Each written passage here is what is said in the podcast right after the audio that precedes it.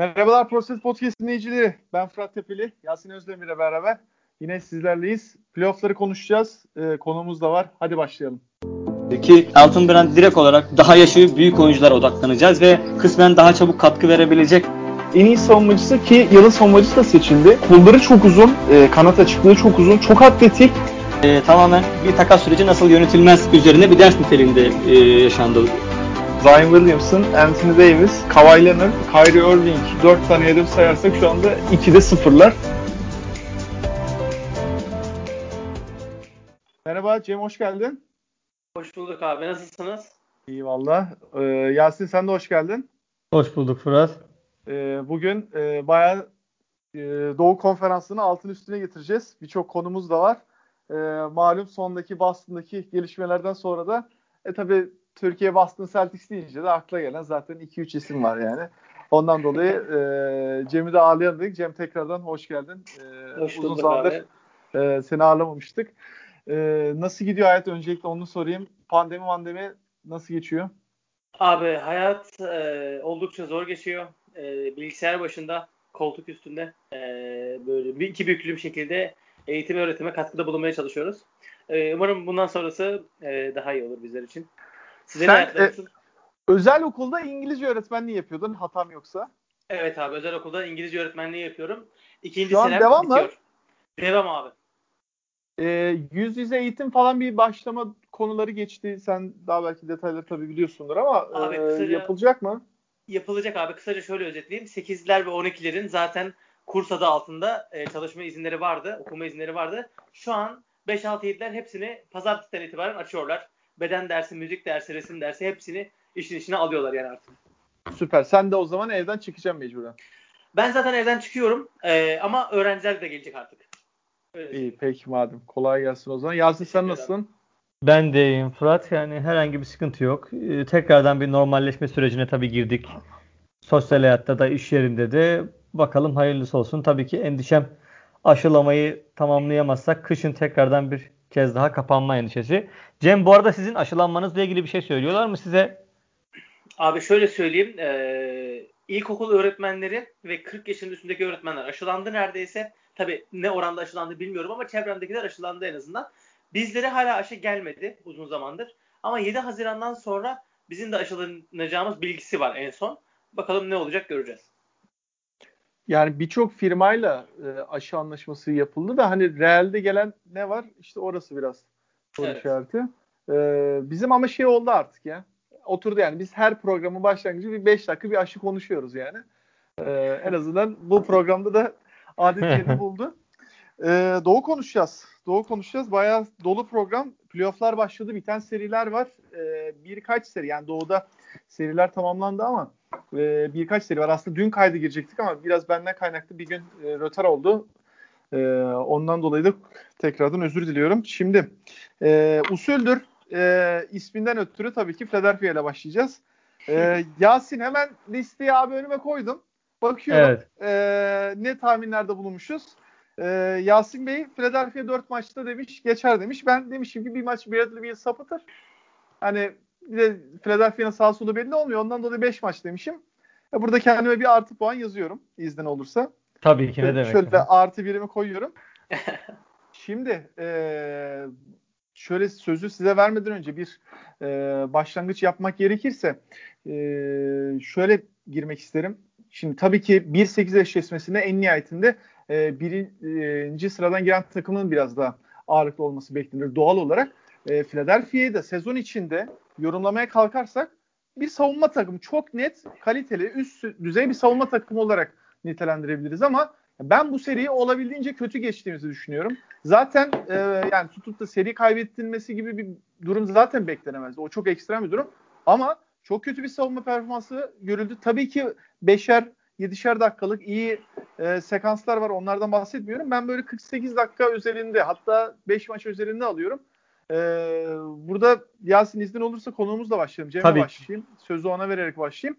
E, Cem dışarıdan da bir göz olarak e, biraz seriyi nasıl gördün? 4-1 biten bir seri var. Üstüne konuşalım.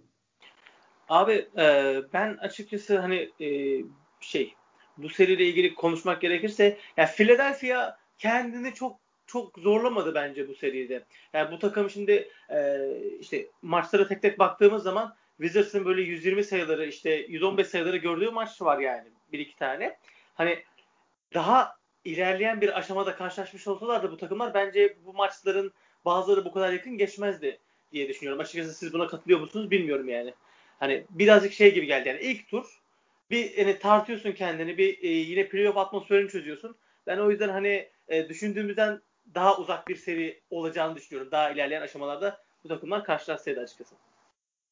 Yani tabii doğru diyorsun. Çünkü e, özellikle ilk maçtan bakarsak yani Philadelphia'nın evet. 125-118 bitti. Zaten 118 sayı yani okey kabul ediyorum. E, Washington iyi bir ofens takımı ama yine de e, Philadelphia'da yani burada işte New York'la e, Utah'la beraber hani ilk 3-4 e, en iyi savunma takımından biriydi evet. tüm sezon boyunca. Hani bu çok absürt bir durum oluşturdu. E, hak veriyorum sana yani sonuçta e, takımlar da form tutuyor. Bir de Philadelphia'da hani birinciliği garantileyince son 2-3 maçta boş yapmıştı e, sezon bitiminde. Okey ama yine de dediğim gibi ben e, Tobias'ı bir kenara koyuyorum. Mesela çok standart, çok kaliteli bir e, şey geçirdi, seri geçirdi. Teknik düştüğü durumlar var ama e, iyiydi. Yani Embiid'in işte sakatlığıyla beraber böyle bir tökezleme oldu. E, ondan dolayı benim çok içime sinmeyen bir seri. E, kabul ediyorum. Yani böyle mesela 3. periyotta, 4. periyotta 5 dakikalık sürklase ettiği dönemler var Philadelphia'nın. Tak oradan hemen maç 20 bitiyor. Ama maçı evet. izlediğinizde öyle değil aslında. Yani 20 sayıyla biten bir maç değil o. Yani sadece box skor üzerinde yorumlandığında doğru. Yasin burada sana da sözü vereyim. Ee, yani bu 4 birlik seriyi biraz da senin ağzından dinleyelim. Tabii şöyle e, yani Embiid evet zaten sakatlanmasıyla benim açıkçası bütün şu an tadım kaçtı. Biraz umutsuz bir e, Sixers bölüm olacak benim açımdan. E, yani Embiid'in sakatlığını tabii ayrıca herhalde daha detaylı konuşuruz. E, olası etkilerini. E, onun haricinde yani bu seride Doug Rivers'ın halen mesela rotasyonu tam oturtamadığını belki bu anlamda görüyoruz. Çünkü 10 oyuncu, 11 oyuncu oynatmaya devam ediyor. İşte e, Ben Simmons ilk maç kötüydü. Ondan sonra savunma performansı fena değildi ama takım halinde zaten geçiş hücumunda rezalet bir savunma yaptık ki Wizards'ın temposuna Sixers yenildi. Burası açık. E, maç aslında e, Sixers'ın değil de Wizards'ın istediği tempoda gitti bütün seri aslında o anlamda. E, mesela ilk maçta hatırlıyorsanız e, işte NBA'de direkt olarak e, foul problemini sokup e, oyun dışı bıraktılar neredeyse. Yani ilk, ilk yarıda bayağı az oynamıştı. İkinci yarının başında da resmen faal almamak için hiç savunma yapmadı Embiid mesela. E, zaten çok da niyeti yok. E, tu ama genel olarak yani zaten sezon başında da böyle verimsiz bir şekilde gelmiştik. E, o verimsizlik o açıkçası tam böyle şey hani playoff'a geldiğinde böyle ince işçilik olması lazım artık prosesin sürecin takımın oyunun maçların setlerin çok netleşmesi lazım diyoruz ya o netliği halen de o keskinliği göremiyoruz Sixers'ta. Sanki daha böyle sezon başıymış gibi hava var açıkçası. Ee, bak çok e, laf arasında kritik bir noktaya değindin. Geçiş hücumunda e, iyi savunmaya oturmadı abi Sixers. Gerçi tüm seri boyunca aynı sıkıntı yaşadı. Yani özellikle e, Sixers sayı attıktan sonra yani topu kenardan oyuna sokan Wizards abi e, dikkat edin abi maçlarda çok fazla yani ardı ardına da yapıldı oldu. Mesela ilk maçta çok fazla bunu en çok gördüğümüz ilk maçta. Sonralarında biraz azaldı ama yine çok fazla görüyorsunuz. Westbrook'la 5 e, saniyede 4 saniyede hemen sahayı kat edip daha savunma oturmadan hemen e, şut kullandıkları ya da Westbrook'un potaya yüklendiği pozisyonlar var. Burada da dengesiz yakalıyorlardı. Zaten e, Raul Neto, Bradley Beal, Westbrook üçlüsü sağdayken Westbrook 3 numara oynadı abi. Aynen öyle. Orada kısa beşi de tercih ettiler ama e, tabii şey de var. Yani Embiid'in form problemleri son maçta oynamaması hatta ondan önceki maçta da işte maçın başından sonra çıkması Sixers de hep kısa beşte devam etti o kısımlardan. Yani evet. ben mesela e, Yasin hatırlıyor musun? Sezon başı değerlendirmelerimizde mesela ben şey yorumu yapmıştım. Yani Ben Simmons 5 numara oynadığında mesela çok değerli olabilir diye. E, hala hücumda aynı fikrim var ama savunmada gerçekten çok kötüydü. Son maçta yani çember savunma olarak çok kötü zaten. Abi ama son Dwight Howard o kadar kötü ki oynamak zorunda kalıyor yani. Haklısın ama son maçta mesela maçın başında abi e, ilk periyot sürekli pot altına şey yaptılar. Penetre ettiler. Aynen. Sürekli e, ondan dolayı mesela orada çok e, güçlük yaşadı Sixers. Yani 5 numarayla Tobias birebir eşleşti falan. E, yani bu bağlamda da e, keza şey yorumu da çok doğru. Yani henüz daha rotasyonunu tam oturmaması. Yani Shake Milton herhalde rotasyon dışı kalacak gibi duruyor. Orada bir, Aynen şu an e, kesin gitti gibi şu an o. Beklentimizin yani, çok dışında bir gelişme oldu. Ee, Sen yani mesela anda, özellikle Maxi hiç oynamayacak, Maxi hiç oynamayacak diyordun. Adamın süresi arttı playoff'ta şu anda. E tabii yani beklenmeyen bir şeydi çünkü Shake Milton'ın oynaması bekleniyordu. Aynen. Furkan'ın ee, süreleri azaldı bir yandan. E, ama normal yani Furkan yine de belli bir periyot oynuyor. Yani Furkan e, ben bu seride de yani Atlantis serisine değineceğiz zaten. E, şeyde dışarıda kalacağını düşünmüyorum. Ama ne olur? Doğu finali olur. NBA finali olur. Sixers oralara giderse evet belki Furkan hiç oynamayabilir. Çünkü orada evet. e, iyicene daralacaktır. E, yani o açıdan da biraz da şey nedir adı? Hani ben rotasyonu yani kısmen normal gördüm ama e, Shackleton kısmında ben de çok şaşırdım. E, Cem yani rotasyon anlamında biraz da değinelim. Biraz da e, analizlere geçelim bu bağlamda. E, yani senin maçta gözüne çarpan, değinmek istediğin kısımların üstünden gidelim biraz. Abi e, ya şey Philadelphia açısından baktığım zaman hani Dark Rivers gelecekte yani karşılaşacağı zorlu maçlar, çok zorlu maçlar olacak şimdi. Yarı finalde bir Atlanta ile oynayacaksın. O da iyi bir hücum takımı. Evet. ise finalde çok daha büyük bir hücum takımıyla oynayacaksın. Şu an için hani hazır zayıf bir rakip varken oldukça geniş bir rotasyon kullandı. Eğer e, hafızam beni yanıltmıyorsa. Hani evet. kimi kimden ne alırsam ya da kimin bir sonraki tura taşırsam benim için e, kar anlamında. Ama ben şeyin e, hani özellikle şeyin Tybal'ın enerjisini çok beğendim. Bu yanlış hatırlamıyorsam ilk maçtaydı. İlk ya da ikinci maçta mıydı neydi? Ee, ya o kadar güzel bir baskı yapıyordu ki Bradley Beal'a. Ya bu çok işine yarayacak bence Philadelphia'nın. Yani çünkü sen yarın bir gün Nets'in karşısına çıkacaksın. Fixture avantajıyla da. Öyle Hı-hı. söyleyeyim. E, işine inanılmaz yarayacak. Çok acayip beğendim. E, aynı şekilde e, Maxi'yi de çok beğendim ama e, Furkan'ı falan hiç beğenmedim. E, yani şutör olarak sahaya giren bir adamın hani şutunda bu kadar istikrarsız olmasını ben hiçbir şekilde anlayamıyorum. E, ama dediğim gibi yani ben Philadelphia'yı hani Brooklyn karşısında da yine en büyük aday olarak görüyorum Doğu'da. Dediğim gibi sağlam bence iki tane parça buldular yani. En azından güvenebilecekleri. ilk turda kanıtladılar bunu bence. Vallahi haklısın. Şimdi e, rotasyona baktığımızda 11 oyuncuya kadar e, yükselen evet. yani Shake Milton'ı da işin içine kattım. Yükselen bir rotasyon var ama şimdi Matisse ile ilgili de mesela şöyle bir nokta var. E, yani keza bu Dwight Howard'da da benzer bir şeyden bahsedeceğim. Şimdi ikinci beşin e, oyuncusu ama mesela ne oldu? Burada Bradley Beal olduğu için biraz da ilk beşe e, takviye anlamında da Matisse Taybul oynadı. Okey ama normalde ikinci beşin işte şey e, scorer oyuncusunu savunan oyuncu. Fakat burada da çok tek yönlü bir oyuncu olduğu için hücum çok tıkanıyor. Yani oradaki mesela e, George Hill'in biraz daha yönlendirilmesi. Tyrese Maxey'nin daha scorer oyunu biraz daha Philadelphia'yı rahatlattı ama ikinci beşte de işte Matisse, Dwight mesela hücumda seni eksik tutuyor. E, Shake Milton da çok kötü seri geçirdi. E, işte orada biraz George Hill'in e, form tutması. Ben mesela evet Tyrese Maxey hiç dediğim gibi olmadı yani. Ben yine şeyden çok memnun değildim bu arada yani. E, Yasin onu da konuşalım da. E, yani Tyrese Maxey'nin oyun temposundan ben yine şey değilim çünkü biraz hani bizim Türk tabiriyle söyleyeyim deli fişekti yani. Hani ya, zaten iki şey, tarafı tak- keskin. E, orada George Hill'in bence e, liderlik etmesi bitirici rolünde Tyrese'in oynaması daha mantıklı. Akil adam George Hill ya şu an o evet. biraz daha böyle bench'ten gelip böyle takımı toparlamaya, liderlik etmeye çalışıyor zaten ki ondan beklediğimiz bir şeydi bu. Ee, Maxi ile ilgili zaten e, Doug Rivers şey dedi yani bizim açık ara en kötü savunma, e, savunma oyuncumuz e, Maxi'ydi dedi böyle bütün sezon, sezon boyunca. Hani kısmen playoff'ta o toparlandı falan gibi bir açıklama yaptı kendince hani Maxi'nin daha fazla süre alması ile ilgili. Hani ben Sixers açısından hani iyi, neyi iyi yaptı dersek Bertans'ı kitleme konusunda genel olarak iyi bir performans sergilediğimizi söyleyebilirim ve e, Sixers'ın işte e, daha doğrusu Wizards'ın e, Sixers forvetleriyle oynayacak bir oyuncusun olmaması işte bir tek Hachimura'ya kalmaları on, zaten işte Tobias serisinde e, beklediğimizden de iyi bir e, seri geçirmesine sebep oldu. Orada biraz hem Wizards'ın e, kadrosundaki eksiklik hem de Sixers'ın kısmen bir noktaya e, kitlenmesi ki Bertans biliyorsun normalde Sixers'ın belalı oyuncularından biridir. Hep evet. çok iyi oynar. E, bir tek hani oraya yoğunlaşmıştı zaten Sixers'ta. Özel önlem almıştı. O işe yaradı Sixers açısından.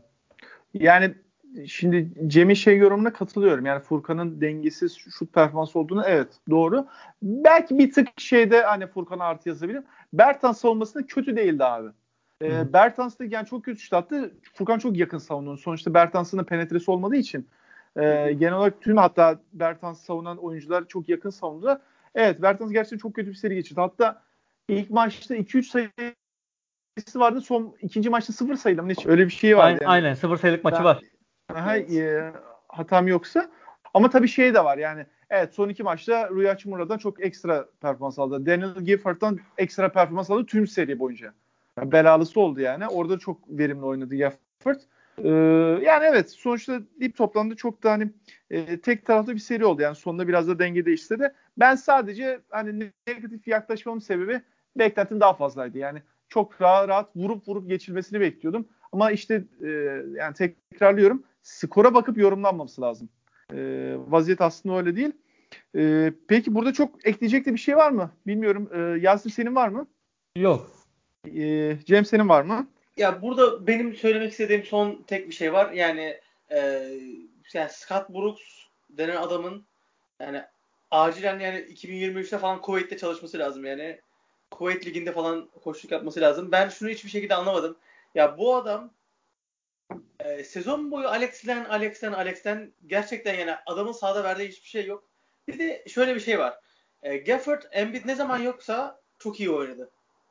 Ama Embiid varken zaten Gafford faal makinesi yani hani 2 dakikaya 10 tane faal alabiliyor neredeyse. Hani bir insan hiçbir maçta mı süreyi ayarlayamaz? Hani hani bir maçta şunu gördüm bak ikinci maç şunu farklı yapayım. Hiç böyle bir şey yapmadı yani. Çok daha fazla yara verirlerdi e, Sixers'a bu açıdan. O yüzden bir e, Scott Brooks eleştirisi yapmak istedim yani. Böyle bir 30 saniyelik. Ki şeyde yani e, seriye başlarken Alex'lerini ilk 5'te başlatıp son iki maçta mıydı? Son maçta mıydı? E, şeyi başlatıyordu. Gafford'ı. Gafford'ı ilk 5'e almıştı. Alex'lerin iyicene süreleri düşmüştü. Yani orada katılıyorum sana.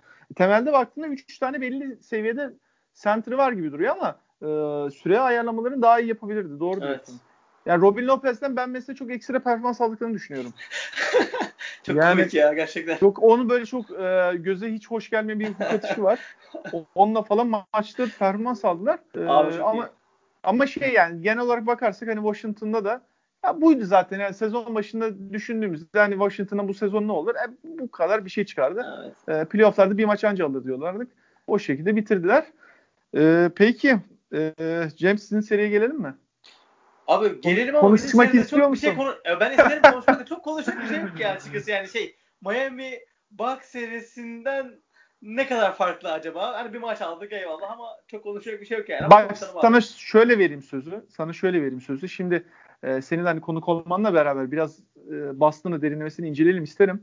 E, ama burada sana sözü verirken de şundan bahsetmek isterim. E, bizim Türklerin de bir lafı vardır. Cemciğim bilirsin alma mazlumun ahını derler. Sen çok dalga geçmiştin Dominik'le. Carlos Boozer dedin. Al Horford'u çaktık geçtik dedin. Geldiğimiz noktada bakıyorum Evan Fournier elde kaldı. Kemba Walker bilemiyorum. Yani bana böyle sezon başından itibaren bir alıp bir geniş böyle e, bir Boston Celtics değerlendirmesi yapar mısın? Yani en sonunda da e, playoff eşleşmesine de gelecek şekilde. Abi e, sezon başından bu yana yani benim açıkçası en iğrendiğim bir sezon oldu. Hani bunun sebebi takımın başarı seviyesi değil. Hani e, mesela 18-19 sezon da çok kötüydü. Bundan daha başarılıydık ama onda da mutsuzdum yine. Burada şöyle bir sıkıntı var. Bir kere e, yaz dönemi bir kere çok kötü idare edildi. Yani bu takıma ekleme diye işte malum şansı yerine Tristan bir de Jeff alındı. Yani ekstra hani Hayward gibi bir adam gitmiş yerine gelen oyuncular yok yani. Herhangi bir katkı almadan. Jeff zaten oynamıyor. Tristan dediğin adamın zaten kapasitesi belli. Hani bir kere zaten sezon başından beri e, sıkıntıların olacağı belliydi. Onun dışında gerçekten hani bu e, her takım tabii ki çok etkilendi ama e, bizim takımın sezon başında başladı e, işte Smart, Brown, Tatum, işte Tice bu ana beşimiz Kemba'lı işte. Yani 9 maça çıkabilmiş. Hepsi beraber. 9 maç. Tice takaslanana kadar. Sonrasında Robert Williams giriyor. O 5'te 11 maça çıkabiliyor sadece.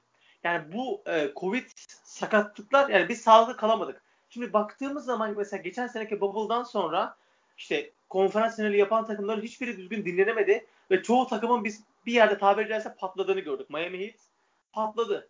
Boston patladı. E, Lakers sakatlıklardan ötürü patladı. Bir Denver Nuggets bir şekilde devam ediyor yoluna. Ben bunun tesadüf olmadığını düşünüyorum. He ama dediğim gibi yani burada asıl büyük sorumluluk deneyicindi. Ben açıkçası e, Fournier'i beğeniyorum bu arada. Horford, e, e, Kemba konusunda haklısın abi. Kemba konusunda ben hiçbir zaman beğenmedim Kemba'yı. Yani tweetlerimde duruyordur. Ama Fournier konusunda Fournier'e haksızlık edemeyeceğim. Çünkü geldi takıma. Ee, zaten takas oldu. 10-12 gün yok adam Covid protokolünden ötürü. 5-6 maça çıktı. Bir daha protokole girdi. Bir 10-12 maç daha yoktu. E zaten adam hiçbir şekilde uyum sağlayamadı takıma yani. O yüzden ben Fournier'in bir sene daha bekle, izlenmesi gerektiğini düşünüyorum. Uygun bir kontratla.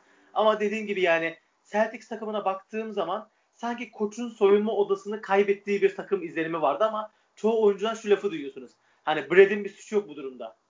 Tarzı laflar söylüyorlar. O yüzden hani neyi inceleyeceğiz bilmiyorum ama sanki böyle Tatum'la Brown'u e, birkaç tane çocuğun yanına sahaya atmışlar ve onlar ikisi canları için mücadele ediyormuş gibi bir takım vardı. Sıfır yardım.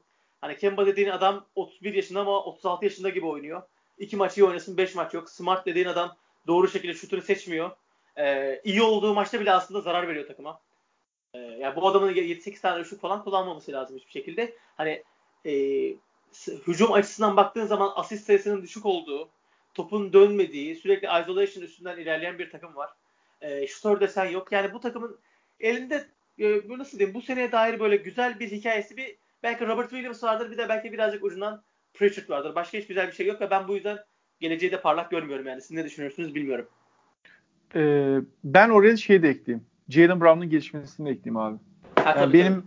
benim MIP adaylarından biriydi yani. Gerçekten sakatlanana kadar e, muazzam bir oyun oynadı ve Kesinlikle. bence e, yani belki bir, bir tık e, iddialı açıklama olabilir ama e, Jason Tatum'a göre bence daha iyi bir sezon geçirdi. Tatum çünkü sezon başında neredeyse yoktu abi. Evet ama abi şöyle bir şey var olmuş onunla ilgili. Ve çift yönlü e, oynuyor Jalen Brown. Evet e, ya ben Tatum'un takım savunması açısından Brown'dan iyi olduğunu düşünüyorum. Ama birebir savunmada Brown'u tercih ederim ama şöyle bir şey varmış. E, Tatum Covid'den inanılmaz etkilenmiş. Kendisi bu evet. e, astım e, ne Hı-hı. diyorlar ona ondan kullanıyormuş. İ- İngilizcesi aklıma geldi, Türkçesi gelmedi. Astım ilacı kullanıyormuş yani hala bu e, sıkıyorlar ya böyle. Ondan kullanıyormuş yani. Aynen. Bayağı atlatamadı onu abi. Onu söyleyebilirim. Doğru doğru yani ilk bir ay falan o sebeple yoktu. Ee, kolay bir şey değil katılıyorum ama yani sonuçta e, dip toplamda bakınca ya bu sezonda ben öyle düşünüyorum bilmiyorum doğru, tabii ama e, yani evet çok karanlık bir sezon Boston açısından. E, Yasin burada sana sözü şöyle vereyim. Şimdi Cem çok güzel derledi zaten de. Şimdi geçen yıla göre baktığımızda ya Marcus Smart'ta, Kemba Walker'da e, net bir gerileme görüyoruz.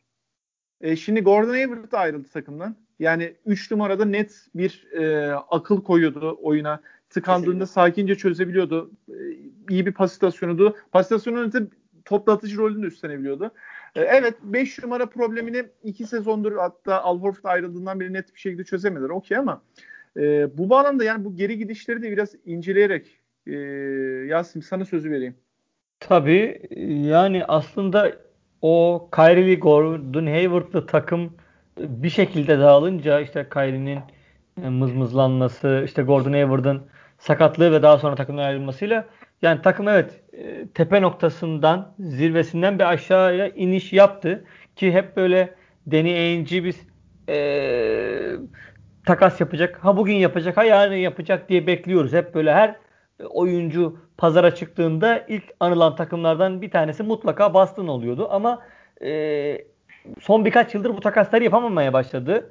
E, bir de üstüne üstlük e, drafttan tepeden çok iyi setse de işte Tatum'a Jalen Brown gibi rol oyuncuları kısmında oyuncuları e, seçip yetiştiremediği için yani gelişen bir Boston Celtics oyuncusu, sınıf atlayan bir Boston Celtics yedeği göremediğimiz için takım sürekli kan kaybetmeye devam etti. Ee, öyle olunca zaten Brad Stevens'ı bile hayata küstürecek bir dereceye nasıl geldiler o tabi ayrı bir tartışma konusu. Yani açıkçası hani Danny Ainge dönemini ben her zaman bir başarılı dönem olarak hatırlayacağım. Bu kesin. Ligin bence lig tarihinin en iyi yöneticilerinden biri olarak kesinlikle bence anılması gereken bir isim. Ama son 1-2 sezonu tamamen e, formsuz geçirdiği de kendisi açısından bir açık, net bir bilgi. Ve e, zaten 2 sene önce o kalp rahatsızlığı geçirmişti. O dönemden beri de zaten aslında emekli olmayı kafasına koymuş gibi duruyor. Yani Yasin iyi bir noktaya değindin. Şimdi konu konuyu açıyor. Yani gerçekten son yıllardaki draft seçimleri de yani Tatum'u bir kenara koyuyorum. Ee, hadi biraz e, Peyton Pritchard'ı da bir kenara koyuyorum. E, ama mesela direkt e, Carson Edwards takası şeye yazar yani. Evet. E, negatif yazar yani. Hani diğer taraftan bakıyorsun e, net bir rol oyuncusu da yani ikinci, üçüncü, belki dördüncü yılına oynayıp artık tamam net bir yani Semi Ojeleler gelemedi. Bir yerlere kadar gelemediler yani. Tıkandı. Hani o bağlamda baktığında şey diyor. Carson Edwards diyor. hatta şey değil miydi? Tybal takasında Evet. Elton Brand'i köşeye sıkıştırdığını sandı. Bir tane birinci tur draft hakkı aldı eyvallah. Ama Sixers orada iyi oyuncuyu seçmiş oldu zaten. Evet. Evet evet yani o baktığında e, devamı da gelmedi. E, yani o bağlamda Cem yani baktığımızda şey de şimdi benim önümde şey de açık. E, salary cap'leri de açık şu anda. E, e, şey de ki takım salary cap'i de kitli. Yani Evan Fournier'den kontratına çıkıyorsun. Tek yıllık okey. Ama Jason Tatum'un şu anda yüklü kontratı başlıyor. Önümüzdeki seneyle beraber o onu karşılıyor neredeyse. Ve şey şu an kitlede bir e, şey de var. Salary cap de var. Yani muhtemelen e, Fournier'i 15 milyondan falan tutmaya çalışacaklar. Yani daha sonrasında da takas malzemesi yapabilmek adına. E, ama hani şimdi burada şöyle bir şey var. Hani milletin e, sürekli söylediği bir laf. Daha doğrusu şuradan alayım. E, yani deneyimcin bu son 2-3 yılda yaptığı en büyük hatalar yani biz bir sürü oyuncu kaybettik ve hepsi boşa gitti yani. İşte Kyrie gitti. Yani Kyrie'nin bir yerde gideceği belliydi mesela. Yani e, atıyorum Kyrie'yi nette takaslayabilirdin belki bir şekilde. E, sezonun belli bir bölümünde. Hadi bu belki çok gerçekçi olmayabilir. Ben Dudu sonuca göre konuşuyor olabilirim. Eyvallah. Ama mesela Al Horford. Yani senin kulağına bir şeyler gelmiştir yani. Bu adamlar boşa gitmemeli de. Hayward. Yani Hayward'ın kalmayacağı her şekilde belliydi mesela. Yani bu adam daha fazla rol istediğini her şekilde belli ediyordu. Takılma bir sıkıntı yaratmasa da bu hususta. Sen bu adamı daha erkenden takaslamalıydın elinin güçlü olması açısından. Şimdi sen sene sonu kaldın boşta. Indiana'dan güzel bir teklif aldın ama bu adam Indiana'ya gitmeyi tercih etmedi. Parayı tercih edip Charlotte'a gitti. Sonrasında sen işte ee, şey şey takas için şey aldın, exception Hı hı. aldın. Çok bir işe yaramadı işte. Onu da Fournier'e çevirebildin. Hani bunları böyle üst üste koyduğun zaman çok büyük bir facia ortaya çıkıyor. Bir de onun dışında sizin dediğiniz gibi yani bu seçilen draft oyuncularının kötü çıkması ve bunların aşırı değerli görülmesi. Yani Grant Williams'lar, Ojele'ler yani normalde NBA'de yer almaması gereken oyuncular bunlar. Yani bu Grant Williams'ı, Ojele'yi şu an hani bıraksan ben alacak takım görmüyorum. Hani alsa bile 15. oyuncu yaparlar. Ve biz bütün sezon bu topçularla oynadık. Hani savunmada belli bir şey veriyor sözde ama hücumda sıfır. Diğer takımlarda hep tam tersi oluyor mesela. Hani hücumda iyi ama savunmada kötü olan topçular var. Bize tam tersi. O yüzden zaten hücumumuz bizim çok kısır. Yani Tatum geçiyor bir adamı boş çıkarıyor. Şutta şey Grant Williams var. Yani, Cem Ah, araya girebilir miyim? Tabii araya abi, girebilir miyim? Estağfurullah. Senin e, Gerson Yabusele seçildiğindeki tepkini halen daha unutmadım. Abi zamanında doğru tepkiyi koymuşuz. Ama yani ne Yabuseleler geldi ya. Hani gerçekten ne Yabuseleler geldi yani. Şöyle bir muhabbet var. Hiç denk geldiniz mi bilmiyorum. Hani bu seneki oyuncu seçimlerinde e, Brad Stevens'ın daha fazla sözü vardı diye. E, hani ne kadar doğru ne kadar yanlış hiçbir bilgim yok. Ama hani umarım doğrudur çünkü ben bu seneki oyuncu seçimlerini kısmen beğendim. Ama bu şu demek değil yani bizim aldığımız oyuncuları olduğundan aşırı değerli görmemeliyiz. Yani sen doğru bir isim varsa bu oyuncuyu göndermelisin. Ya bu yüzden biz yıllardır belli başlı bench oyuncuların gelişmesini bekliyoruz yani. Ve o adamlar gelişmiyor yani hiçbir şekilde. Ha evet Pritchard gerçekten bir şeyler ortaya koydu. Ben geleceğimizde yer aldığını düşünüyorum ama hani dediğim gibi doğru bir masada bir şey varsa hiç düşünmeden gönderirim. Bir de Celtics'in bundan sonraki e, yapabileceği şeylerle ilgili şunu kısaca söyleyeyim. Fazla lafta almak istemiyorum. Şimdi herkes Kemba'yı takaslamamız gerektiğini söylüyor. Kimle takaslayacaksın? Yani kontratı belli. Aklımda gelen ilk üç oyuncu. E, Horford neden bu takası yapasın? Kemba kötü ama yani Horford'tan kötü değil bence. O zaman Gardın kim olacak? Bunu geçtim. E, John Wall e, yani topu domine eden ve şutu olmayan bir oyun kurucu. E, Jayler'le ne kadar iyi fit olur? Sizin görüşlerinizi merak ediyorum. E, Porzingis olabilir. Onun da kontratı çok kötü. Aynı zamanda Kemba'dan bir yıl daha fazla ama e, Dallas Mavericks neden Kemba aslında onun için yanına? Yani ben bir takas bulamıyorum mesela hiçbir şekilde. Bu adamı bence biz takaslayamayacağız. Bu adamın yapması gereken şey e, düşündüm bunun üstünde bayağı. Yani bir nevi Derrick Rose'a örnek almak zorunda. Derrick Rose'a örnek alacaksın abi. Sen artık o eski Kemba değilsin. Eski skorer Kemba değilsin. Birazcık daha pasör, pass first bir role evrilmek zorunda. Zaten bizim skor yükümüzü çeken iki tane oyuncu var. Bu adamlar seneye 55 sayı bulacak yani ortalamaya. Sen işte 16 sayı 7 asist tarzı bir istatistik ortaya koyup daha iyi bir fit olmak yolunda kendini ayarlamalısın. Ben o zaman Kemba'nın hala çok daha verimli olacağını düşünüyorum ve bu yaz iyice dinlenecek. Çünkü geçen sene dinlenemedi. Ee, ancak bu şekilde iyi bir çözüm olacağını düşünüyorum yani. Siz ne düşünüyorsunuz tabii? Bilmiyorum. Abi Kemba'yı e, yok ben yani öyle bir mantalite değişiminin yaşanacağını çok düşünmüyorum da. Çünkü Derrick Rose çok şey ekstrem bir örnek. Ee, yani tabii örnek alma anlamında sen söylüyorsun. Evet. Tamam, hak veriyorum ama yine de yani Kemba'nın genel bugüne kadar kariyerinde gösterdiği e, mental duruş e, çok o değişime açık gibi gelmiyor bana da. Yani abi şöyle bir şey var. Hani e, ilk pası düşünen bir oyuncu olmasın okey de adam sahada kalamıyor. Yani Evet. sağlıklı olmayla ilgili bir problem var yani. Adam net bir injury prone.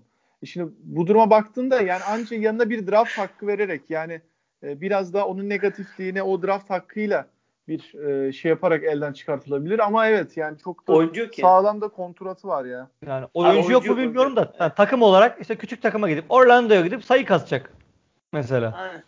Ama ben dediğim gibi yani onun kontratına eş bir oyuncu alabileceğimizi düşünmüyorum. Birebir yani. olmaz da şey olabilir ya iki tane böyle yüklü ama daha kısa olan kontrat çekebilirsin ancak. Belki Kemba'nın yine- yanına da Ha o da olabilir evet. O da Kemal'in Belki yanına yine- da bir tane şey draft hakkı verirsin Kemal'in yanına da. Evet. Hani onu öyle biraz daha iyi bir paket haline getirebilirsin. ya alınabiliyorsa belki yine exception olabilir falan. Hani. Abi exception exception kalmasın ya. Vallahi istemiyorum ya. Buna- Vallahi exception exception uzak dursun. Ben hiçbir şekilde istemiyorum. Bu dediğim gibi yani ben de Kemba'nın bunu yapacağını düşünmüyorum. Ama dediğim gibi bunu yaparsa Celtics için iyi olacağına inanıyorum. Bir de bu yaz kesinlikle ama kesinlikle çok büyük çok fazla sevsem de eee, yani Marcus Smart mutlaka gitmeli. Yani hiçbir şekilde tartışması yok. Playoff'ta çok iyi oynadı ama yine de gitmeli yani. Bir şey değişmeli şimdi. Bu Tatum'la Brown zaten dokunulmaz. Brown'u taka şey e, Kemba'yı takaslayabileceğimizi düşünmüyorum. Ee, Smart'ı mutlaka vermeliyiz. Yani ben iyi bir geri dönüş alacağımızı da düşünüyorum Smart karşılığında. Çünkü Smart dediğin adam disiplin getiriyor zaten direkt takımına. Savunma açısından sıkıntı yaşayan, e, işte yıldız gardı olan bir takım onun yanına her türlü Smart'ı ister. Ben Atlanta'yı iyi bir şey görüyorum yani Smart için. Atlanta mutlaka bence Smart'ı isteyecektir. Atlanta ile belki bir şeyler yapılabilir. Indiana ile mutlaka iş yapılmalı. Dağlıya orası bir sürü oyuncu var. Dalmalıyız. E, Brett hocama güveniyoruz. Ama Cem şöyle burada biraz farklı düşünüyorum seninle de. Ben iyi bir yapı kurulursa Smart'ın çok değerli olacağını düşünüyorum. Bence çünkü bak böyle adamlar e, şampiyonluk getiriyor abi. Çok kritik oyuncular. Bunlardan çünkü sez- e, ligde çok az var. Çok disiplinli. Yani takım çöktüğünde psikolojik mental anlamda diyorum. Çöktüğünde ayağa kaldırır. E, evet kabul ediyorum. Yani dış şutu hala belli bir seviyeye gelmedi. Doğru. Okey. Savunmada zaten bence takımın en iyilerinden Jalen Brown'la beraber. Okey. E, diğer taraftan hücumda da zaten senin Tatum'la Jalen Brown çekiyor abi. Adamın zaten çok fazla iş kalmıyor. E, pas istasyonu olarak en fazla kullanabilirsin. Okey o da tamam. Ama zaten bu hustle play dedikleri o, e, oyuncu tipi var ya. Abi tam o Evet. işte. Ve bu adamlar aslında şampiyonluğu getiriyor. Yani ondan dolayı biraz genel takımın e, yapısı kötü olduğu için Marcus Smart'ı bence kötü göründü. Yani yoksa bence hele hele şu kontratla e, çıksan direkt havada kaparlar. Abi ben şöyle kendimi daha da ifade edeyim. Smart'ın kötü şut atması benim için problem değil. Smart zaten kötü şut atacak mecbursun buna yani. Ama şut seçimi kötü. Yani bu şut seçiminin kötü olması momentumu karşıya veriyor mesela. Yoksa %33 de atsın Smart her türlü faydalı oluyor. Peki Ama ben sana karşı soru ki- sorayım. Şut seçiminin kötü olmasının e, takımın ahenksiz oyunuyla birebir ilintili değil mi? Aa, yani Yani takım daha ahenkli var. oynasın. Bak şeyi hatırla. Çok geriye gitmeye. Al Horford'da son sene. Ya Doğru Al. Horford'un yani çok net bir şekilde iyi bir top dağıtıcı olması, biraz daha dengeli bir oyun e, vesaireyle beraber direkt şey Marcus Smart daha çok daha iyi şutları bulur abi. Tam çok doğru köşe söylüyorsun. şutu köşe şutu bulacak adam ya. Çok haklısın. Bu konuda %100 katılıyorum. Zaten Smart'ın en disiplinli şut, şut seçtiği sene o sene. Buna bir şey diyemem ama e, onu yeri geldiğinde azarlayabilecek bir koç bulunsun o zaman. Çünkü Brad Stevens o kişi değil yani. Belki e, kameralar arkasında öyledir. Ama hiçbir zaman o kişi olmadı ve biz Smart'ı hiçbir şekilde zapt edemedik yani. Ama dediğine katılıyorum. Ee, Yasin burada da konuyu sana şeye vereyim. Şimdi e, yönetim değişikliği ile alakalı biraz konuşalım. E, baktığımızda deneyiş döneminde bir şampiyonluk da var. Ve yani hemen e, kariyerinin başında da çok agresif takaslarla başlayıp işte malum kadroyu kurup oradan e, Cem hatam varsa sen beni düzelt herhalde bir 15 sene falandır değil mi? E, Abi o, e, 16 olması lazım. kar- Yani o civarlarda haklısın. e, uzun da bir kariyeri var ki Boston'da yani bugün baktığında Lakers'la beraber tüm NBA'in en e, köklü, en tarihi güçlü camiası. E, Yasin sen bu yönetim kısmını nasıl yorumluyorsun? Yani ben özellikle koç e, hamlesinin çok tehlikeli olduğunu düşünüyorum.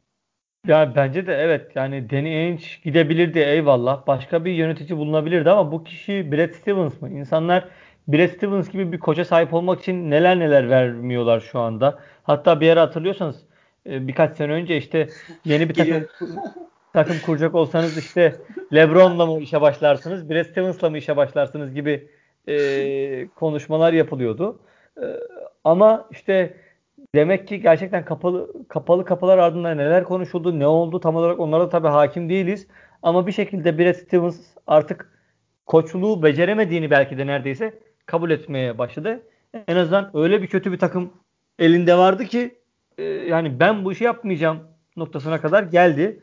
E, yani bunu kabul etmesini hem biz kötü hem iyi yorumlayabilirim açıkçası. İnsanın bunu kabul etmesi de gayet bir olgunluk aslında ama daha yaşı gençken bu anlamda kariyerini böyle ciddi bir değişiklik yapması ki e, yani yöneticilik de o kadar kolay bir iş olmasa gerek. Bir sürü başarısızlığa uğramış çok kaliteli insan var bu anlamda.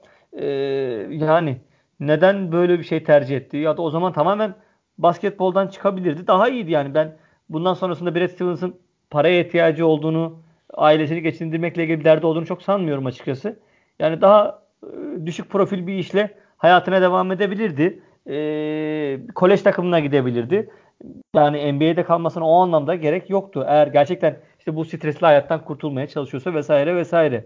E, onun haricinde Boston açısından hani hep böyle model franchise'lardan biri olarak e, görülen bir takım olması sebebiyle açıkçası çok üzüldüm. Böyle bir e, yani karışıklıkların olmasına. Ha yine tabii e, genelde çok hani şey olmadı. Çirkin bir ayrılık olmadı. O ayrı. Danny Ainge zaten bu takımın bir efsanesi olarak her zaman anılmaya devam edecektir. Orası ayrı ki onun da işte e, Utah'ın sahibi ve işte ailesinin Utah'taki e, bağlantıları sebebiyle işte oğlunun zaten orada siyasetçi olduğu falan biliniyor. İşte Portland'la işte memleket bağlantısı yüzünden falan çalışabileceği söyleniyor. E, bir orada bir emekli olduğu açıklaması yapıldı ama ne kadar emekli olduğu da şu an belli değil. E, yani deneyicinin kariyeri bitmemiş olabilir ya da böyle bir danışman gibi falan devam edebilir. Boston açısından mesela Mike Zerrin diye bir yönetici var orada. Hı hı. E, Cem tabii ki daha da bize anlatacaktır. Senelerdir birçok e, takımla görüşme yapar falan. Onu neden bypass geçip direkt çat tepesine e, Brad Stevens'ı koydular. O da ayrı bir tartışma konusu bence. Abi şöyle insight bir bilgi vereyim. Ee, yani takım sahiplerinden sanırsam bir kişi Brad Stevens'ı kovmak istemiş e, sezon ortasında. E, yanlış hatırlamıyorsam okuduğum makalede. E, Danny karşı çıkmış buna. Ve e, takımın asıl sahibi işte e, gerçekten Brad Stevens'ın basketbol aklını çok seviyor. İnanılmaz beğeniyorlar. E, Brad Stevens'ın muhtemelen koçluğuna olan inançları azaldı. Ama bence hani Brad Stevens hala ligin en iyi 3-5 koçundan bir tanesi. Bu adamın 2018-19 sezonu harici hani suçlanabileceği herhangi bir sezon yok. Ki 18-19'da da Ainge ve Kyrie'yi ilk başta suçlarım. Hani bu adam kendisine hep underdog verilen kadrolara hep iyi iş yaptı. E, basketbol hakkında güvendikleri için de e, sunulan bu teklifi Brad Stevens'a e, yani çok iyi bir fırsat olarak görmüş. Hani ben Celtics için her şeyi yaparım. Bunu çok seviyorum tarzı bir kafada. Ama dediğim gibi yani benim için buruk. E, benim için buruk çünkü kenarda Brad Stevens'ı göremeyecek olmak gerçekten hani e, çok üzücü ama e, basketbol hakkında inandığım bir insanın da front office'te olması ve aynı zamanda şimdi diğer takımların deneyince olan bakış açısı o kadar bozuktu ki yani bu adam kazıklamadıkça takas yapmıyor. Ve insanlar bu adamın telefonunu açmıyor bile neredeyse. Çoğu adamla arası bozuk gibi bir hava vardı ve biz takas yapamıyorduk yani bunun sebeplerinden birisi buydu. E, şimdi başka bir aklın oraya oturmuş olması hani diğer takımlarla olan görüşmelerimiz için belki bizi daha iyi iter diye düşünmüyor değilim. E, siz ne düşünürsünüz tabii bilmiyorum. Ya Şeyde... tabii on Ha, buyur yaz. Yok yok sen devam et. Şöyle ben şeyden bahsedecektim. Yani deneyicinin de emeklilik e, olarak açıklanması da biraz PR çalışması gibi geldi bana. Yani son kaç yıllık bir kariyer var. E, tutup yani biz kovulduğu gibi bir e, resmi açıklamanın hani çok şık kaçmayacağını düşünüyorum. Ben biraz hani abi sen artık emekli ol be falan hani Sen biraz keyfine bak bu dakikadan sonra gibi gibi bir duruma geldi gibi ben ben öyle hissettim. Hani bilmiyorum Yasin senin var mı bu konuda bir düşüncen ama. Ee, ya olabilir evet evet yani zaten dediğim gibi direkt hani e, yani orada işte zaten hani işte Voş istifa stepping down falan hani kelimesini kullanıyor. Hı. Dolayısıyla hani istifa mı etti? Gönderildi mi? İşte Doug Rivers'ın Clippers'tan gönderilmesi gibi e, ne ödüğü belirsiz bir süreç mi? Orası açıkçası flu. Belli değil şu anda. E, ben yani kopmayacağını bir şekilde bir yerde danışman gibi vesaire yine görev alacağını düşünüyorum. E, ki zaten şu anda bile okuduklarımız işte Brad Stevens'la yine bir dönem çalışmaya devam edecek. İşte takımı drafta doğru. Biraz Brad Stevens'a akıl hocalığı yapmaya devam edecektir en kötü. Başka bir göreve gelene kadar, resmi bir göreve gelene kadar. Yani ki Boston front ofisi zaten yeteri kadar tecrübeli ama mesela biz işte aynı şeyi Altın Brent'te de yaşamıştık. Altında iyi insanlar, kalifiye insanlar olsa bile e, ana karar vericinin işte e, çok yeterli olmaması başka sorunlara sebep oluyor. Adam mesela işte geçen sene açıklama yapmıştı. Ben göreve başladığımda hiçbir şey bilmiyormuşum diye mesela. Onun da mesela yönetici kabiliyetiyle ilgili en ufak bir sıkıntı yoktu. Basketbol aklıyla ilgili en ufak bir sıkıntı yoktu ki e, ligdeki Sixers'ın e, Seminki döneminde kötüleşen aynı işte e, Cem'in bahsettiği takımların telefonuna çıkmaması gibi menajerlerle araların çok bozulması gibi e, sonuçları olmuştu Seminki dönemini. Hani bu ilişkilerin iyileşmesi açısından Elton Brand'in halen daha büyük ihtimalle çok büyük katkısı oluyor ama e, ya o bile kendisi kabul etmişti. Senelerdir bir basketbolcu olmasına rağmen bazı şeyleri bilmediğini. Brad Stevens da bence aynı acemiliği her türlü yaşayacak. Bunu yaşamaması mümkün değil. Ama şey geliyor bana işte yani şimdi bunlar e, en nihayetinde biz takım diyoruz ama kurumsal firmalar abi en nihayetinde baktığında. E, bildiğim bir holding. Yani evet. Bu bağlamda baktığında e, ya bu tarz bir hareket bana çok profesyonel, çok kurumsal gelmiyor kulağıma. Yani e, tabii ki yani şimdi biz de kurumsal firmada çalışıyoruz ama biz hani üretim e, sektöründeyiz. Bunlar bir e, belki tırnak içinde hizmet sektörü denebilir. Hani bir illa sektör şey yapacaksak. Ama sonuçta bir işte marketing departmanı var. Bir ne bileyim e, ekipmanlarla ilgilenen bir şey var. İşte e, oyuncularla ilgilenen vesaire vesaire. Sonuçta evet. bir e, görev ya, paylaşımı var. İnsan kaynakları var vesaire. Her şirketin olduğu or, gibi. Bana çok şey gelmiyor. Yani çok kurumsal bir hareket gibi gelmiyor. Çünkü ya boşalttığım pozisyon da şey yani birebir sahadaki başarını etkileyen bir pozisyon ve çok da yani rahat yerini dolduramayın gibi. Cem'le WhatsApp'ta konuşurken ben ona hitaben yazdım. Ya Fenerbahçe'deki Emre Belezoğlu tersi ya. Tersi durum yani. Orada da Emre Belezoğlu sağa inmişti. Burada sağdan adamı yukarı çektin. Erol Bulut sportif direktör oluyor. yani çok şey böyle yani bizim Türkiye'de olan durumlar gibi absürt geldi bana. Ama burada ilişkiler daha iyi en azından. Çünkü Danny gerçekten hani e, gözü şey arkada kalmayacaktır. Çünkü Brad Stevens'ı hani e, inanılmaz seviyor ve inanılmaz destekliyor. Bu sezonda defalarca açıklamaları oldu. Tabii ki herkesin suçu vardır ama diyor burada ana suç benim Brad'in çok bir suçu yok falan diyor. Ben ve oyuncular suçlu dedi. Brad Stevens'a asla toz kondurtmadı ama Brad Stevens da muhtemelen sıkılmış koçluktan yani. Bu adam şu an ligin aktif 3-5 koçundan birisi ve daha kariyerinin başında. Koçluğunu bırakması ya bana hiç mantık gelmiyor. Şöyle bir şey soracağım size. Danny Ainge dedi ya. Bu arada Danny adının Utah'da falan anılması inanılmaz komik. Yani Celtics şey, Boston gibi bir yerden Utah'a geçecek olması. Oldu olacak bir de Charlotte'a git abi. Tam böyle tamamlayın yani KKK'yi. Ee, oğlu da falan Utah'da siyasetçi dedin abi zaten. Şey, Ainge dedi ya 26 yıldır ben buradayım işte e, ırkçılık görmedim. Ee, bu çok tepki topladı. Yani bu açıklamadan sonra Marcus Smart dedi ki ben ırkçılıkla karşılaştım burada. Ee, bu laftan ötürü acaba birazcık da gönderilmiş olabilir mi diye ben düşünmüyor değilim. Yok ama şey bu tarzda çok e, tırnak içinde tarihsiz açıklamalar NBA'de oluyor abi artık. yani kısmen bu tarz maalesef yanlış yorumlar da Yaşlı beyaz amcalar böyle açıklamalar yapıyorlar tabii. Yapıyorlar. Yapıyor. Bu geneli zaten şey takım sahibi bu amcaların da hani işte böyle GM'ler de olabiliyor. Ee, ben zannetmiyorum ama zaten hani çok derinlemesine analizini de yaptık. Yani son 2-3 sezondur e, iyi off season'lar ve e, takas dönemi geçirilmediği için biraz birikme de var. Takım kadrosu da oldukça zayıfladı. E, şöyle salary cap'i genel bir incelersek e, yani önümüzdeki yıllar için çok e, parlak durmuyor. Yani ondan dolayı böyle bir durum var. E, peki o zaman bayağı da bir derinlemesine konuştuk. Uzun süredir bu kadar Boston konuşmuyorduk. E, Cemil şerefine. E, Doğu'nun yarı final eşleşmelerine hızlıca değinelim o zaman. E, var yoksa bu arada başka ekleyeceğiniz bir şey. Boston'la Abi son olarak şunu eklemek istiyorum. Deney Ainge Utah'a giderse ben bir 5 e, kiloluk gülerim. Yani Boston'dan sonra Utah'a giderse özellikle bunu söyleyeceğim sadece. Peki. Ee, Yasin başlayalım mı? Başlayalım. Ee, şimdi girişte Philadelphia'dan bahsettik ama usuldür. Ee, 1-4 pardon tabii 1-5 oldu değil mi? 1-5 eşleşmesi ee, Atlanta, Philadelphia. Embiid'in e, kaç maç oynayacağı, oynayacağı belli değil. Türkiye saatiyle de pazar günü saat 8'de değil mi? Hatam yoksa ilk maç. Evet. Ee, orada pazar başlıyoruz. Akşam. Şimdi e, sezon içi maçlara bakarsak e, orada e, Clint Capela evet bir nebze savunmaya çalışıyordu artık neyse yani. Ama Embiid'in net bir dominasyonu vardı.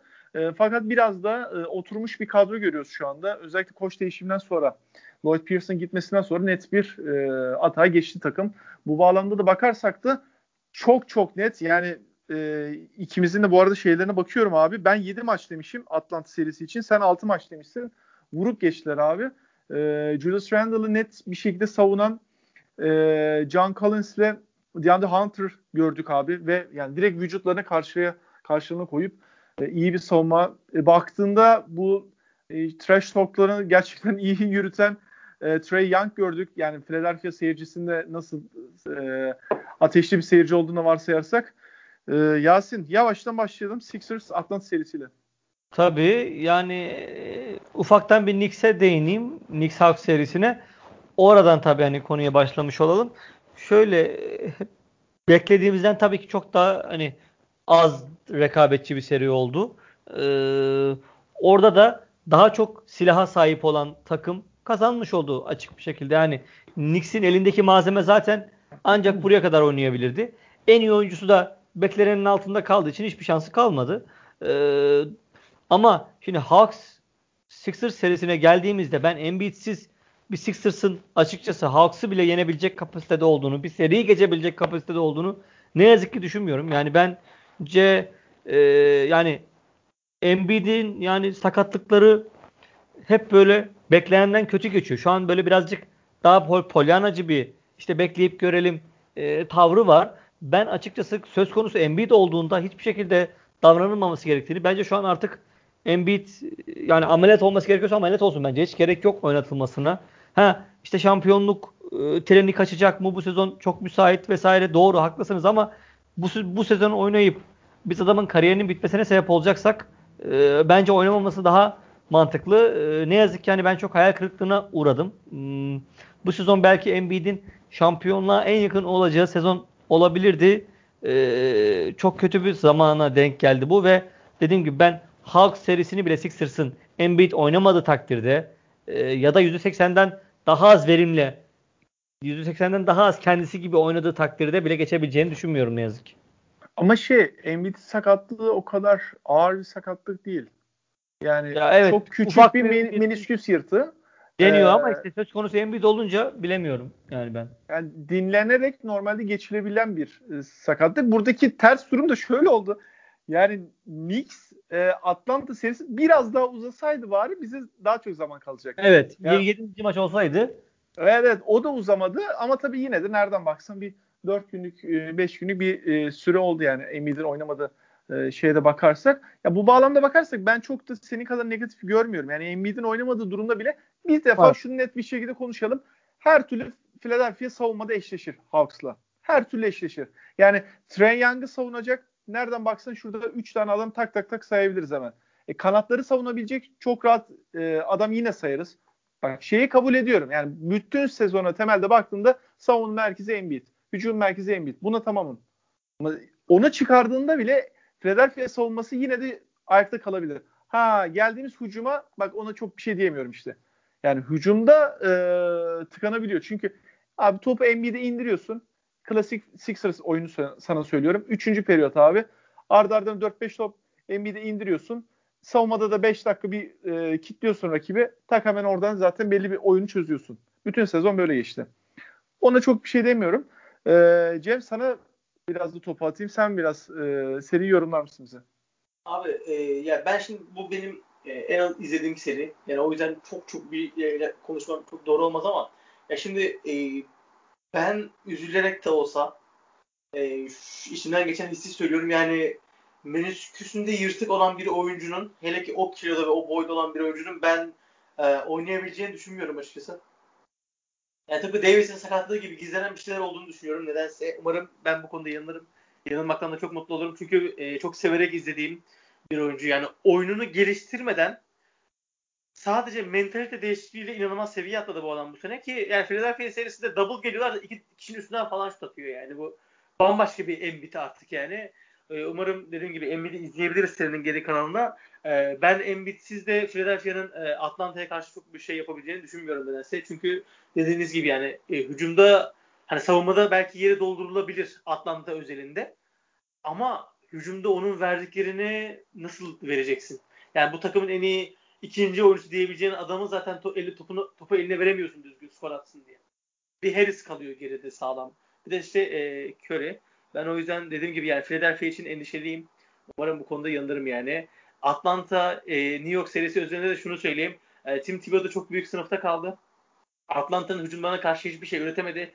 Yani yardımlar çok rezalet yerlerden geldi ve bu her maç tekrar etti yani. Hani çok basit yani yardım getirebileceğin yer vardır, getiremeyeceğin yer vardır. Ee, yani ben koçluk açısından çok çok fark ettiğini düşünüyorum. Hani New York'un başına çok daha iyi bir koç olsaydı bu seri asla 4-1 bitecek bir seri değildi bence. Ee, yani New York'un ama her türlü New York iyi bir sezon geçirdi yani. Ama e, Atlantalıları da tebrik edelim. Uzun bir aradan sonra oldukça hani kendilerine iyi bir yıldız buldular ve iyi bir şekilde ikinci tura geçtiler. Bakalım Embiid'in durumu ne olacak? Ee, yani evet yine dönüp dolaşıyoruz. Yani her cümlenin başlangıcında evet Embiid'in durumuyla alakalı işte bir şer koyarak yorumlamayı yapabiliyoruz tabii haliyle. Ee, şeyde yani formda giriyor. Trey formda giriyor. Ee, evet. yani biraz evet yani dengede geçeceği kesin. Hani Embiid'in böyle bir e, ilk iki maçta oynamama durumu olabilir. Ama ben ilk iki maçta oynamasa bile, üçüncü maçta geliyor olsa bile tam performans vermese bile ben yine de Sixers'ı önde görüyorum ya. E, çünkü şöyle e, kabul ediyorum e, Atlanta daha formda geldi buraya. Ama şey e, yani Sixers'ın özellikle şimdi %100 kapasiteyle de Wells Fargo'yu da açmasıyla beraber çok fark ediyor çünkü. Belki diğer takımlar için o kadar fark etmez ama Sixers için çok fark ediyor. E, daha etkili olacağını düşünüyorum. E, baktığımızda. Peki e, skor tahmini alayım. Cem senden başlayayım. Abi yani Embiid'in durumunun ne olacağına bağlı. Ben eğer Embiid oynayacaksa ben e, 4-1 Philadelphia diyorum. Ama e, Embiid oynamazsa da Atlanta'ya 4-2 veriyorum seriyi. Yok şer koşmayacaksın. Ben bir tane rakam istiyorum senden. Okey o zaman e, şey 4-2 Atlanta diyorum. 4-2 Atlanta. Yasin? Hmm, tek skor söyleyeceksek ben de 4-2 Atlanta diyorum. Ben de 4-2 Sixers diyorum. Tamam. Ee, evet ben Sixers'a daha çok güveniyorum. Ee, yani özellikle de dediğim gibi ilk iki maçı kendi evimizde olmasından dolayı. Şimdi asıl hani döndük dolaştık da asıl konuya gelelim. Gerçekten mükemmel bir seri. Brooklyn Milwaukee. Biraz bunu konuşalım. Özellikle de sezonun sonuna denk gelen fikstürü anlamında denk gelen ardı ardına maçları vardı. İki takım da formda giriyor ama evet yani kritik rol oyuncularında sakatlıklar var.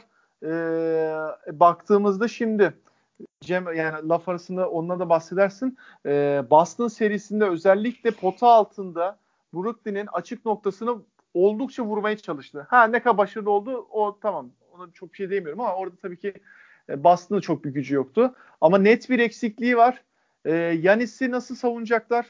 E, işte Brook Lopez'in yine sonuçta büyük fizikli bir oyuncu olduğu için ciddi yer kaplıyor. Ama yani konu gidiyor geliyor. E, Brooklyn Nets'in de hücum performansına kalıyor. Cem burada senle başlayalım. Yani çok büyük beklentimin olduğu bir seri. E, ne düşünüyorsun? Abi biz e, Brooklyn serisinde birinci maç ve e, ondan sonrasında kazandığımız maç haricinde e, totaldan çok çok büyük işler yapamadık. Yani bu konuda Harden ve Durant inanılmaz iş yapıyorlar. Yani e, ya size de tavsiye ederim. Özellikle Harden ya bir sadece savunma açısından böyle bir dikkatli gözle bakıp izlediğim zaman inanılmaz iyi kirli işler yapıyor. Hani box out ediyor, her topa el sokuyor falan. Tristan Thompson'a karşı mesela e, kendisi belki rebound alamıyor ama arkadaşının almasına yardımcı oluyor. Yani çünkü kalıplı da bir adam.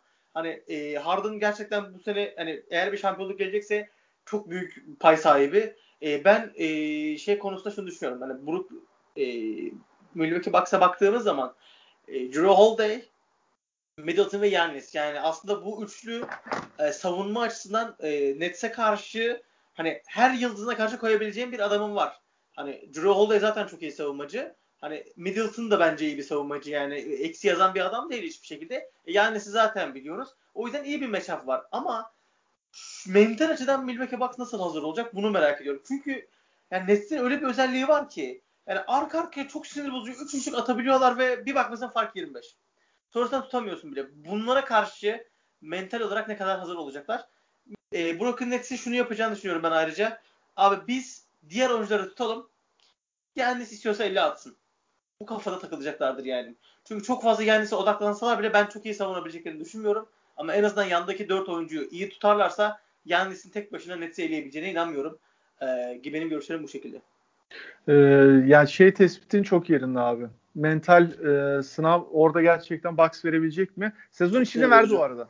Sezon abi, içinde sezon gerçekten, evet. Verdi, ama burası tabii daha farklı evet, bir alan. Buna bir şey kesinlikle. şey diyemiyorum. Sezon içindeki maçlarda hatırlarsınız Yanis'i DeAndre Jordan'la savunmaya çalıştılar. Evet. Yanis denize döktü. Yani evet. kepaze oldu DeAndre Jordan. Zaten DeAndre Jordan kadar da bu kadar fizikli, bu kadar atletik olup görünen de ve ama savunmada da bu kadar aksiyon yani e, herhalde NBA'de çok nadir oyuncu vardır. Abi Yasin şöyle bir şey da... söyleyebilir miyim? Özür, çok özür dilerim. DeAndre Jordan deyince böyle hep böyle bir gururlanıyorum. Ee, neden? Ya ben bu adamın 2012-13'te falan da sevmiyordum. Yani bu kadar böyle boş şişiren Hasan Whiteside gibi her topu bloklayayım diye pozisyonun içine eden, rebound almak dışında herhangi bir yeteneği olmayan. Bu adamın boyu 15 santim kısa olsa McDonald's'ta çalışıyordu. Daha başka bir şey söylemeyeceğim. Yasin sana konuyu şöyle aktaracağım. Şimdi Cem'in şey konusu çok kritik. Mental sınav kritik. Bir de sana şöyle bir ekleme yaparak vereceğim sözü. Abi seride e, Boston serisinde Joe Harris'in rolü çok kritikti. Yani 2-3 e, tane kritik maçı var. Bucks serisinde de böyle maçlar çıkartırsa Bucks o seriyi geri çeviremeyebilir. Yani çünkü 3 oyuncudan sen bir hesap yaparken diyorsun ki tamam 25 25 25 zaten 75 sayı belki yiyorum ama e, evet abi yani Joe Harris'ten yediğin bir 15 sayıda bir 20 sayıda sana seriyi kaybettiriyor. Biraz da bu açıdan ele almanı istiyorum.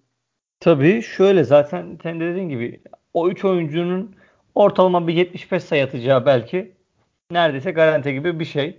Ee, ama orada işte 4. ve 5. oyuncu nun Nets'te ne olacağı e, belirsizliğini koruyor. İşte Jeff Green sağlıklı olacak mı oynamayacak mı belli değil. Bir de dördüncü oyuncumuz var. O, o da işte Joe Harris. Ki sezon boyunca Joe Harris zaten orada hani o değişen takım içerisinde o da biraz bence gitmişti. Tekrar ilk beşe geldi falan. Ee, ama şu an itibariyle rolü net ve gayet oraya çok iyi oturdu. Ee, savunmaların o üç oyuncuya e, yöneldiği durumda direkt olarak çok rahat pozisyon buluyor. Kendi şutunu çok iyi buluyor. E, herhangi başka bir şey yapmasına gerek olmuyor zaten. Köşede durması, beklemesi yeterli oluyor.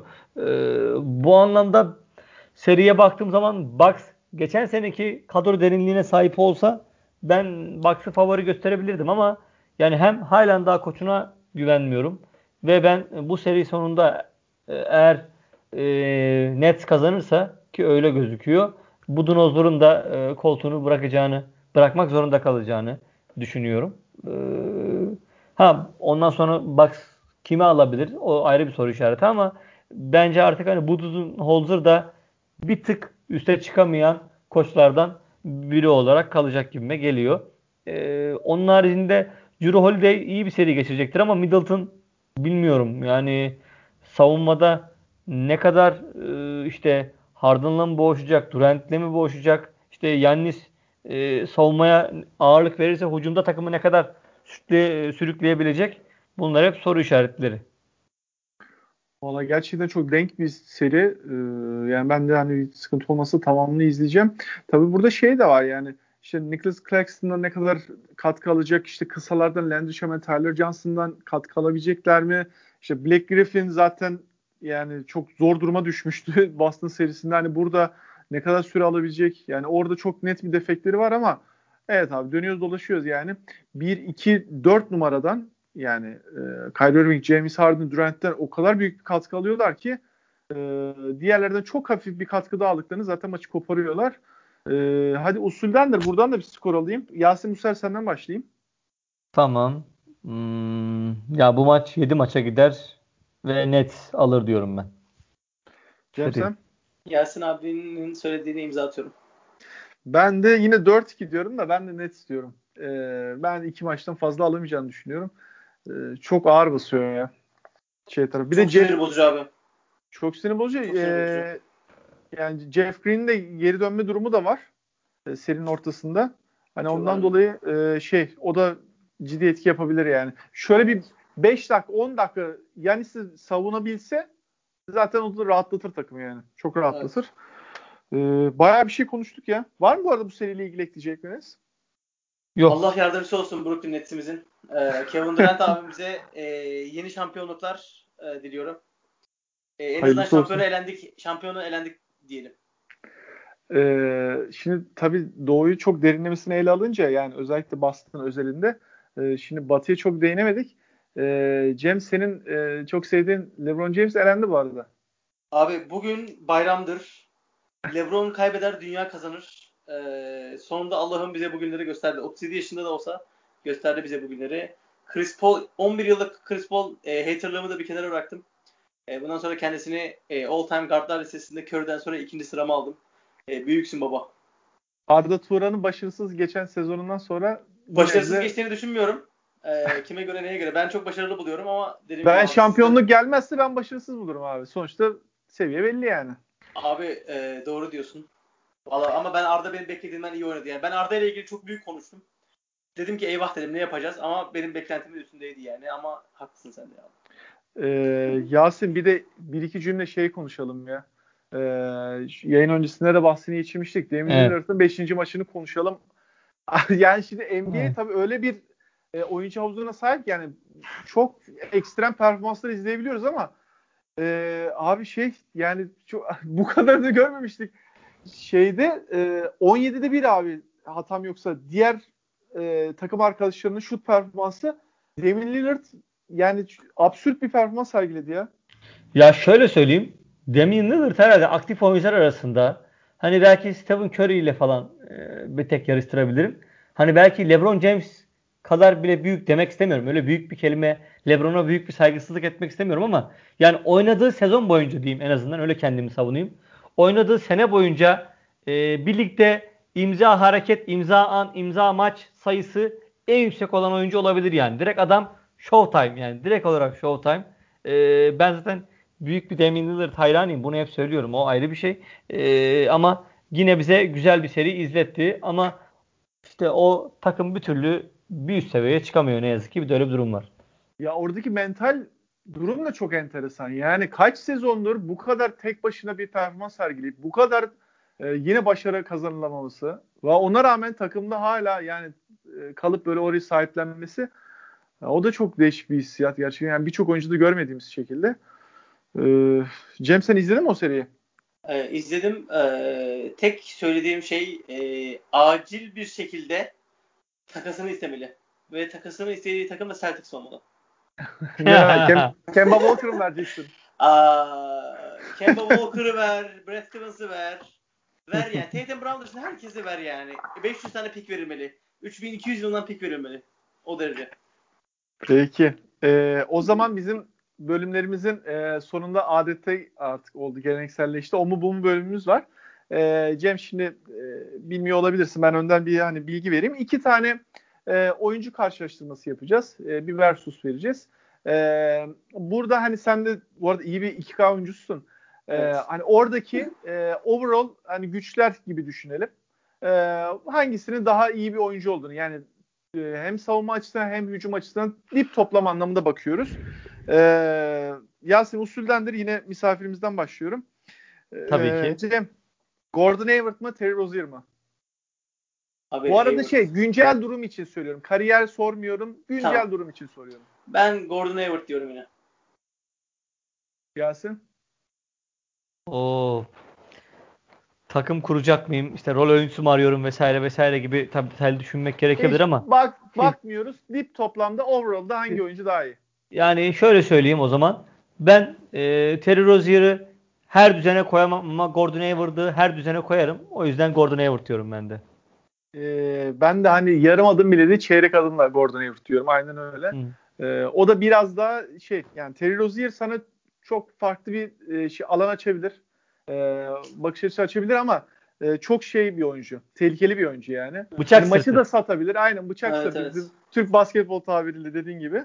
E, peki devam ediyorum. E, yine güncel durumlar için soruyorum. Kyle Lowry mi? Yaz sana sorayım bu arada. Tyler Hero mu? Oo. Yani Tyler Hero geçen yıl çok büyük hype oldu ama bu sene de çok büyük patladı diyebiliriz. Ee, sadece şu anlık seçtiğim için yine Kyle Lowry tecrübesi diyorum. Cem?